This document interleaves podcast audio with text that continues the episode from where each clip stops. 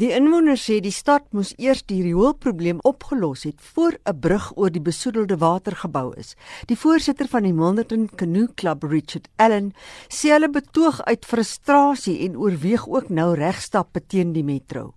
Allen sê die besoedeling versleg daagliks. Table Bay Nature Conservation area. I just don't understand it how they can allow it to get to such a state. Kids used to jump off here into crystal clear water with prawn holes everywhere. It was beautiful. Look at it now. I wouldn't dare. I mean, people have got sick. They've been hospitalized from this water. It's disgusting. It really and truly is. Residents are up in arms. It stinks permanently. The muggies are taken over because there's no more fish left to eat them. It's a poor state of affairs, really.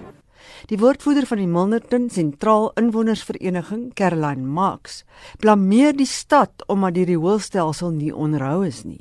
The Potsdam sewage treatment park is not meeting the terms of their water quality license. They are discharging effluent into this lagoon and into the Deep River system. The highest reading in February was over 3 million E. coli per 100 mil. And while the city continue to blame the residents, I think none of the residents have control over the operating of that sewage plant.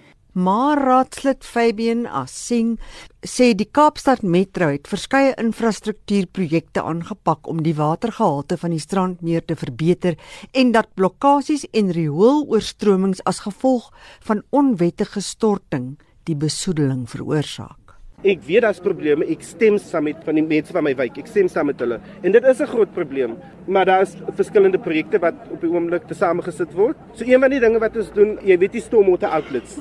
So daar's verskillende tegnieke wat hulle kan gebruik. Een van hulle is wat hulle noem 'n diversion system waar hulle die sê nou vir byvoorbeeld daar's te veel effluent wat uitkom van die van die een pyp, dan divert hulle dit na nog 'n pyp sodat hulle beter kan manage byvoorbeeld. Een van die ander projekte is die Montague Drive sewer upgrade. Daai hele stelsel word gradeer. Asing sê die stad sal voortgaan met infrastruktuurprojekte om die watergehalte van die strandmeer te verhoog.